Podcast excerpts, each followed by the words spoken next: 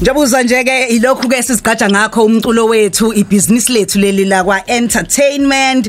Eh, on the line we've got Teo Faniren an actor and a model from Nigeria. We know him very well from Big uh, Big Brother South Africa uh, season 9 Africa uh, yeah. yes so Big Brother Africa South mm. uh, and then uh, it was on season 9 yes. Kameza if I'm yeah, yeah not mistaken. Uh, season 9 uh, Teo how are you? I'm good. I'm good. Thanks. How are Sawbona you? sawbona bafo. Sawbona. Sabonani. Sabonani mzansi. Unjani? Unjani? Ah, sekona njani? no, you trying, man. You trying. You trying. You trying. Otherwise, are you good? I'm trying. I'm trying. yeah. No, man. Thanks. Thank you. Thank Th- you so much. We, mm-hmm. we we are celebrating Africa Day as you know that it's Africa Month, so we are in collaboration yeah. with everyone from all nations of Africa and we are very happy to speak yeah. to you. We are we are coming from Zimbabwe. We've been talking to another brother from Zimbabwe and we are still going to come, go back nice. and talk to the king uh, his royal highness from your your region as well. Thank you so much. But yeah. um, before that who is Tayo Faniren in our uh, listeners? All right. Um, thank you very much. Um, uh, I feel so honored to be here. Mm-hmm. And uh, South Africa is my second home. It's a country that I have so much space for in my heart. Uh, you know, anything South Africa, I'm always jumping. I'm always jumping. I represent yeah. uh, South Africa wherever I am, as much as I, I represent Nigeria. Uh, so my name is uh, Tayo Faniro. I'm a model. Mm-hmm. I'm an actor. I'm a fashion designer.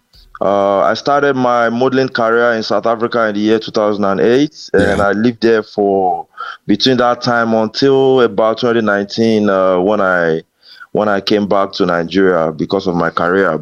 But, yeah, model, actor, and fashion designer. Mm. Nice to meet you guys. Thank you so much, man. As I said, you've got Sipo and Mroza here.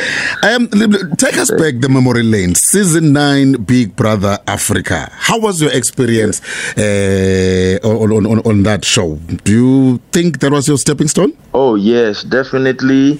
Um, Big Brother Africa was uh, one of the greatest things uh, that happened to me. Mm. Um, and uh, I would say that it, it, has been a major stepping stone for me in my career because the moment I went on the show, I came out and my life changed. Um, I was not, uh, I, I, I wasn't an average or an ordinary uh, citizen anymore. I became a well-known person. Uh, people know my brand, they know my personality, and because I was in the house for uh, about three months, uh, people were able to know my personality and uh, fell in love with my personality and my passion mm. from that time. So um, I would say that that's what I've built on, even though it uh, it doesn't mean that I still didn't go through tough times. It doesn't yeah. mean that I still didn't have to sacrifice a lot. It, it, doesn't mean that I still didn't go through a lot of pain. In fact, a different form of pain because um, when you have not made it, I think life is even easier for you. But when you have made it, you're already in the limelight. You know, to keep going is even tougher. And you know, a lot of people who are probably in the limelight would uh, understand what I'm trying to say. You know, but however, Big Brother Africa has been something. Uh, it, has been a platform that changed my life, and uh, I've been uh, benefiting from that up to today. I go to places, South Asia, America, mm. wherever, mm. and I still receive uh, I receive favors and uh, things because of my Big Brother Africa status. Yeah. Mm. Uh, and we also know that yeah. you lived here in South Africa for a while. What made you to return home?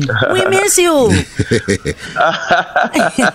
Trust me. Um, I returned to Nigeria uh, late 2019, and apart from COVID, uh, mm. COVID period that I couldn't come to South Africa.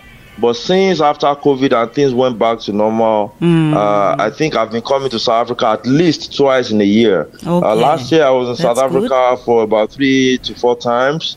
Uh, so South Africa is, is inside my bone marrow. Mm. Can mm. never be out of. You know, I can I can draw the map of uh, Joburg, you know, in my head, you know, because that's home for me. You know, um, so. Um, I just had to come back home because of my career, though, uh, because I'm a Nigerian.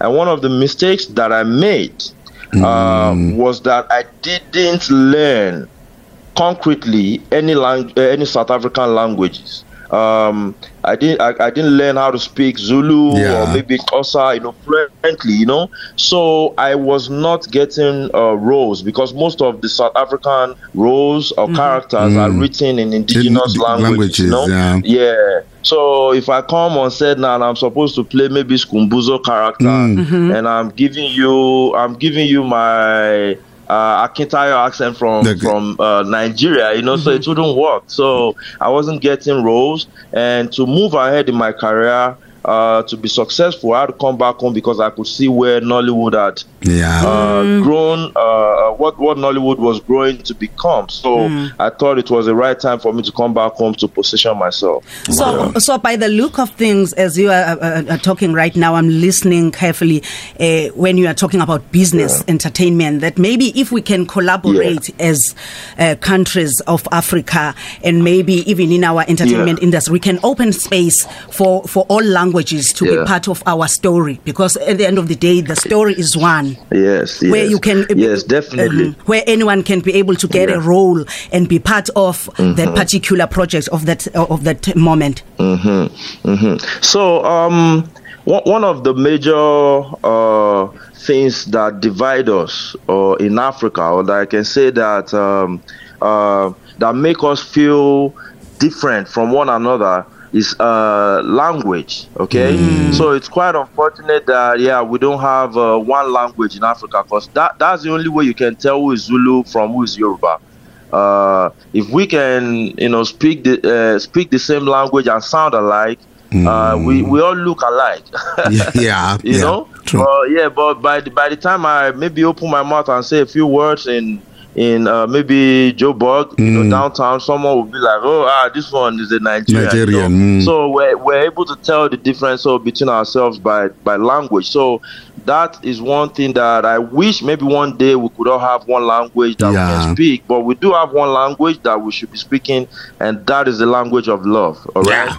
And then, um, yeah. So uh, also, you know, we know about currency and all this kind mm. of things also separating Africa. But I would say that, uh, especially in Nigeria, because of the population here, yeah. Mm. you can see I can see a South African in Nigeria, mm. and then you are talking and I wouldn't know that you're a South African. You, you know, people won't know you're a South African because Nigeria is so big. So mm. I'll be thinking maybe you are from another state because mm. there are some there are some states in Nigeria that I've not been to. Mm. There are some languages in Nigeria that I've never heard before. You know, as big, that's how big Nigeria is. So if I see a dark skinned person like myself I definitely would think, oh, maybe this person is from maybe the Kebbi State or, or Kogi State or something like that.